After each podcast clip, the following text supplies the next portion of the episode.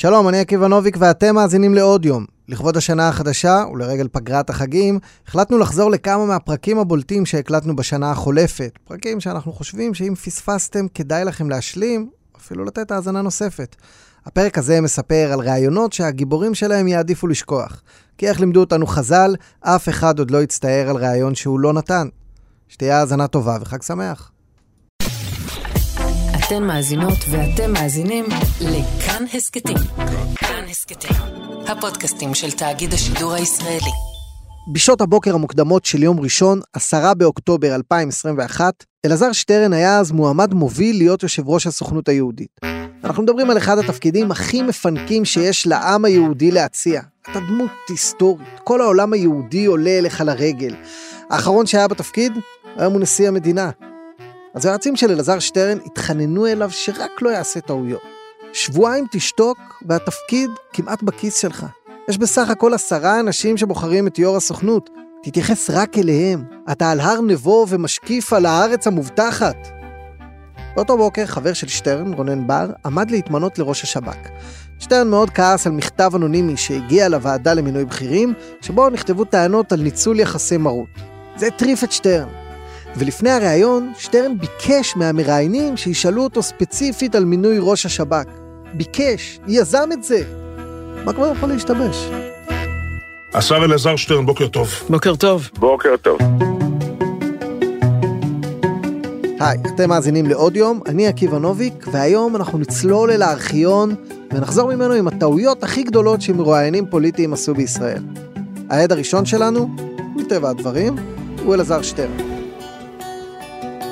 היית ראש אכ"א במשך תקופה ארוכה כן. בצבא. קיבלת נכון. לידיך אה, מכתבים אנונימיים מהסוג הזה? כן, קיבלתי. ומה עשית איתם? המגרסה אה, עבדה. אתה מהר רצ- מאוד. אתה רציני? אז. התשובה היא כן, אני גורס את המסמך. כן, ועשית את זה בעבר? כן. עם, עם ב- תלונות של בנות? אני לא זוכר כרגע בדיוק עם תלונות של בנות, אני כבר... בדקתי אחר כך את הנושא הזה עם אנשים שהיו חיילים בלשכת ראש אכ"א, שטרן. הם לא זוכרים בכלל שהייתה שם מגרסה, או שמשהו נגרס. אבל הם כולם זוכרים את הפה הגדול של שטרן ואת הסגנון השחצני שלו, ולכולם היה ברור כבר אז שהפה שלו עוד יפיל אותו יום אחד.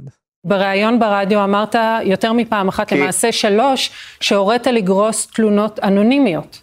אה, נכון, אבל לא תלונות על הטרדות מיניות. אני רוצה שזה יהיה ברור. חוק אלעזר שטרן. אם אתה מועמד לתפקיד בכיר כלשהו, נניח יו"ר הסוכנות, אל תתראיין אם אתה לא חייב. ומילא אם שטרן היה מתראיין על הצורך באחדות, או על ידו המושטת לכל יהודי בעולם, או על השיר שבט אחים ואחיות. אבל מי מתראיין על עבירות מין? למען השם, הגעת לפה הרגע משנות החמישים ולא הבנת את העולם?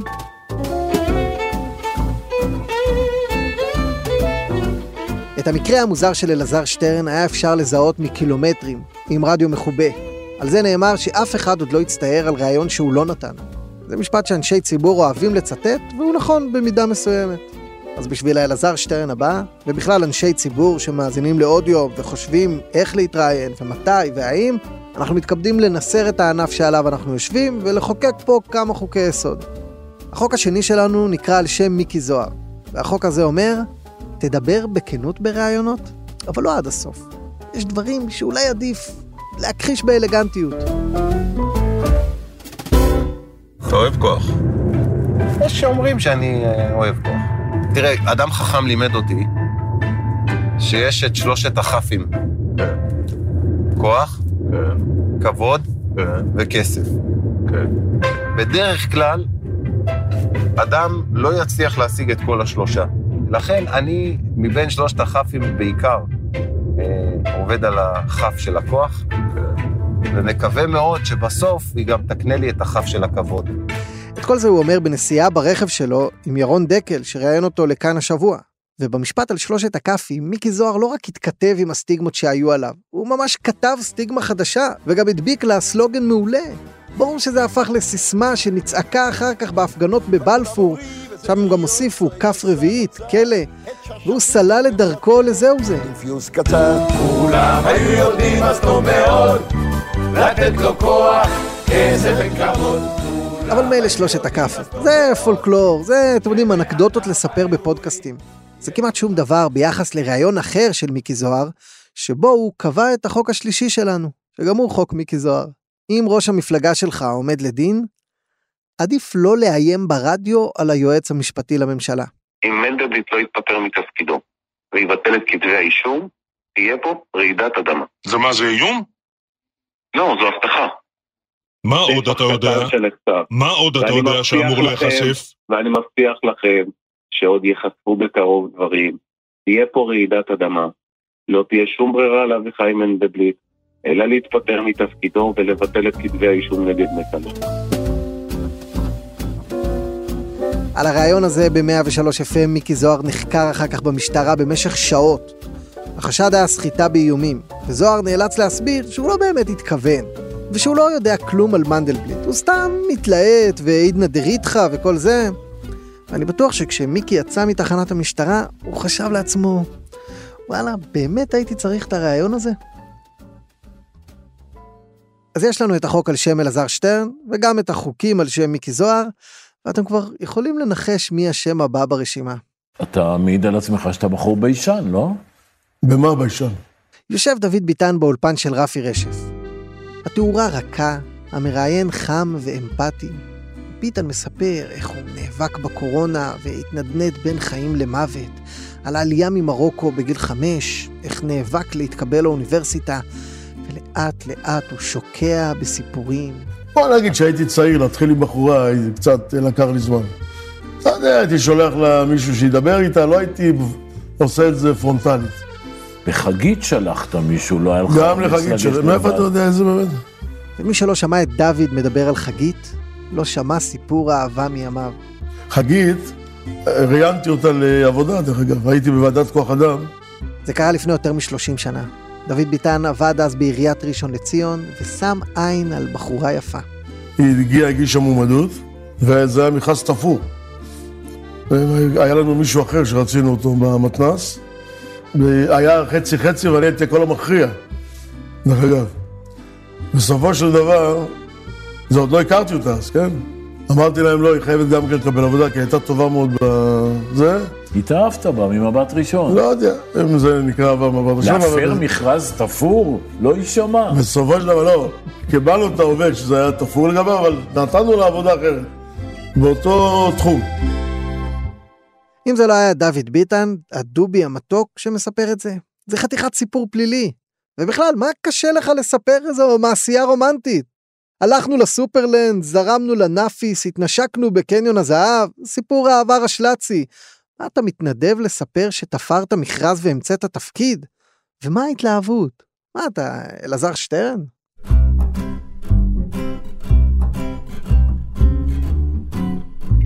כשחושבים על הסיטואציה של פוליטיקאי שרץ להתראיין ומבקיע גול עצמי מפואר, קשה להתחרות עד היום בקטע הזה מינואר 1993. באולפן חבר הכנסת בנימין נתניהו וכתבנו לענייני משטרה, אורי כהן אהרונוב, ערב טוב לכם רבותיי. הפוליטיקאי הטרי נתניהו התייצב מיוזמתו, ביקש להגיע לאולפני רשות השידור ברוממה, כדי לספר שבגד באשתו שרה.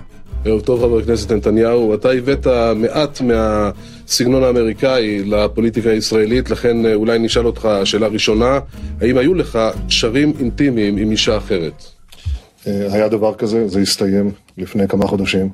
מה שיש פה זה דבר אישי, ביני, אם יש לי חוב, יש לי חוב בעניין הזה, זה לאשתי, למשפחתי. אבל זה כמובן לא נשאר אישי. ועד היום, 28 שנים אחרי, אי אפשר לעשות פודקאסט על ראיונות מזעזעים בלי הקטע הזה. הרעיון הזה קרה כי מישהו איים על שרה בטלפון, ודרש שנתניהו יסיר את מועמדותו לראשות הליכוד, ואם לא, אז תתפרסם קלטת מאוד מביכה עליו. היום אגב יש כמעט תמימות דעים לגבי זה שלא הייתה בכלל קלטת. מישהו ידע שנתניהו מנהל רומן, וניסה להעיף אותו מהדרך. החשד נופל עד היום על סביבתו של דוד לוי. אני לא בטוח שהרעיון הזה גרם לנתניהו נזק כל כך גדול בראייה לאחור, הרי הקריירה שלו לא בדיוק נפגעה מאז, והיחסים עם שרה רק התהדקו, וכעבור שנה נולד גם אבנר. אבל מה היה קורה אם נתניהו לא היה רץ לאולפן באותו יום? למשל אם הוא היה נבהל ומחליט שלא לרוץ לראשות הליכוד לקראת בחירות 96?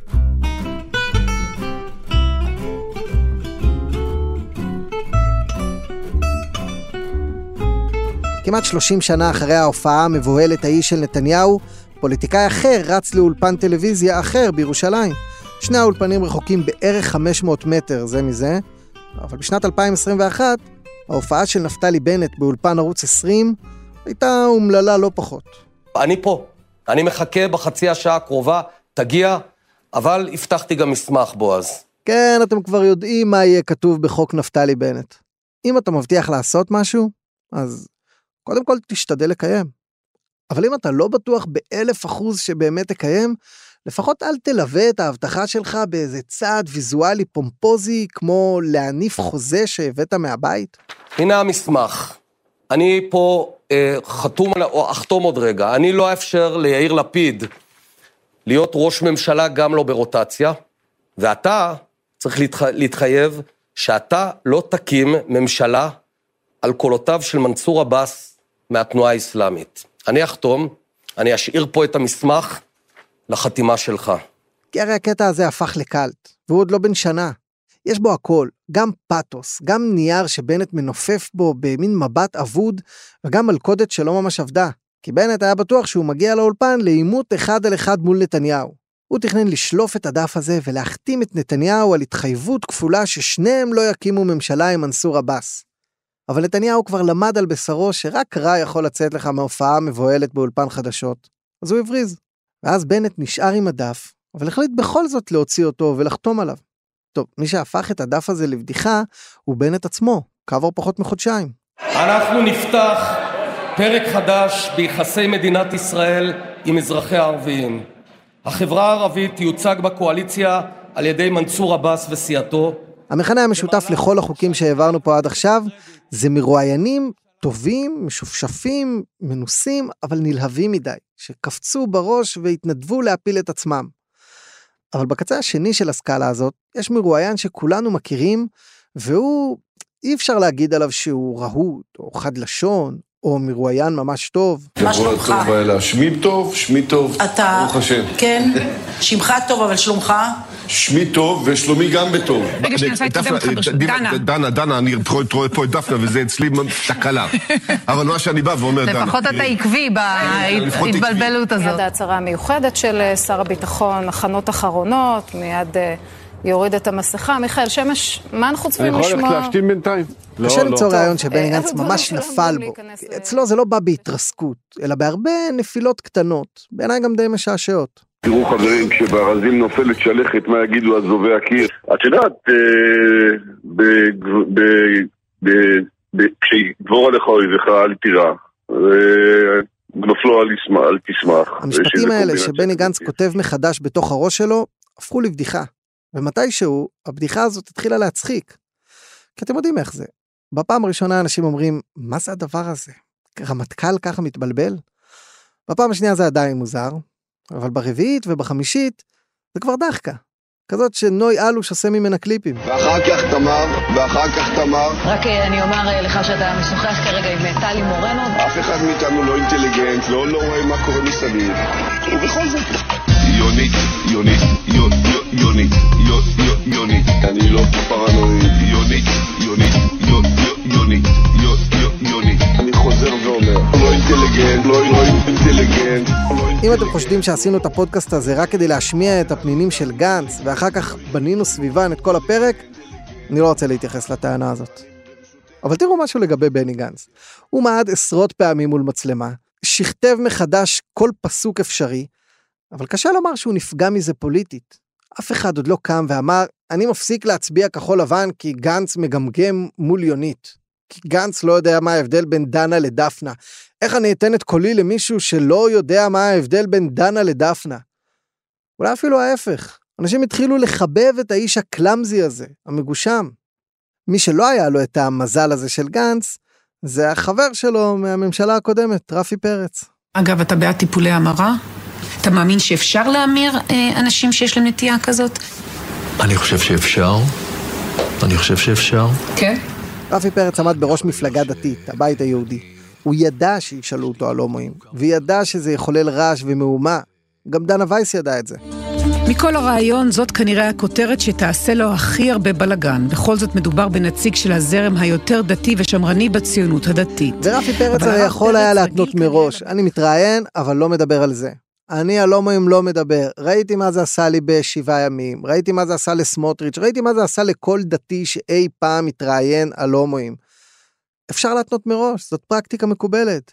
אבל רפי פרץ צעד בראש מורם אל עמוד הקלון, וקשה לומר שהוא רשם אחר כך קריירה פוליטית מרשימה מדי.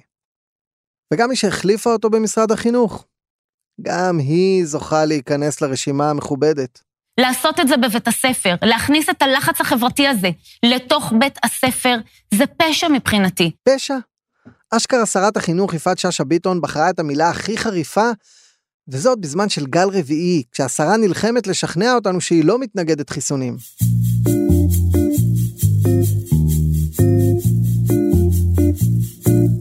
אבל לא כל האמירות האלה פגעו דרמטית במרואיינים. גנץ למשל הפך לראש הממשלה החליפי הראשון, וכמעט לראש הממשלה. בנט הצליח להיות ראש ממשלה למרות ההתבזות ההיא. אבל יש אמירות שבמבט לאחור הפכו לסמל.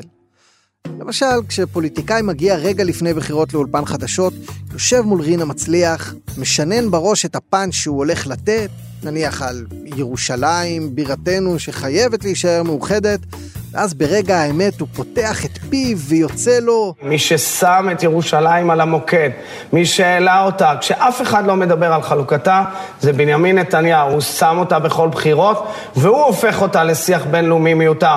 אני אשמור על נתניהו מאוחדת. חייבים לתאר את זה. יושב הרצוג במלוא בוז'יותו, מאחוריו על מסך ענק, נתניהו מחייך בסלון שלו. ויזואלית זה מזעזע. ואז גם באה ההבטחה הזאת. אני לא יודע אם זה מה שגרם למחנה הציוני להפסיד בבחירות של 2015, אבל אחד הדברים שהכי זוכרים מאז, זה שנתניהו אכן נשאר מאוחדת.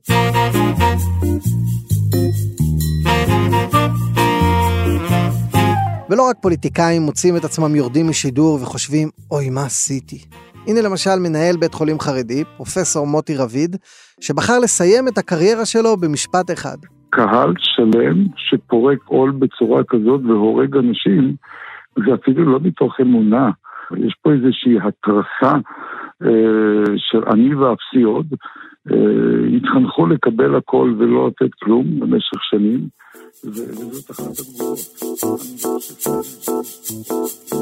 לפני סיום אני חייב לשתף אתכם במשהו. הייתה לנו טיפה התלבטות כשהתחלנו להכין את הפרק הזה, כי דניאל אופיר, העורך, שהוא איש חדשות ותיק, עוד מימי רשות השידור, הזכיר לי שאנחנו טיפה מנסרים את הענף שעליו עולם החדשות יושב. כי מה בעצם המסר פה? אל תתראיינו, תשאירו אותנו רק עם ראיונות לא מעניינים, לא הישגיים, אל תהיו אמיצים, שמא תיפלו. אבל אנחנו בעוד יום אנשי אמת, והאמת חשוב שתיאמר. וכמו שיש קונה עולמו בשעה אחת, ככה יש מי שמפסיד אותו במשפט אחד. ולפעמים זה גם משפט שהמראיין בכלל לא חשב שתגיד, ולא הוליך אותך אליו.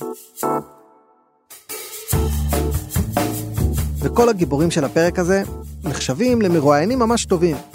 טוב, אולי חוץ מבני גנץ. אבל תראו מי עוד שמענו פה. המאסטר נתניהו, ודוד ביטן המשעשע, ומיקי זוהר, וראש הממשלה בנט, והנשיא בוז'י, וכל אלה עם ניסיון מצטבר של אלפי שעות מול מצלמות או מיקרופונים, והם עדיין עשו טעויות שאנחנו, פשוטי העם, שומעים וחושבים לעצמנו. מה?